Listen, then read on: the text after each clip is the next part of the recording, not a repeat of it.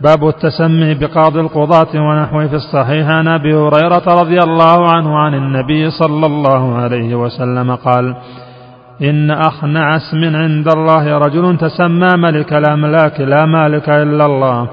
قال سفيان مثل شاه عن شاه. وفي رواية أيض رجل على الله يوم القيامة وأخبثه. قوله أخنع يعني أوضع فيه مسائل الأولى النهي عن التسمي بملك الأملاك الثانية أن ما في معناه مثله كما قال سفيان.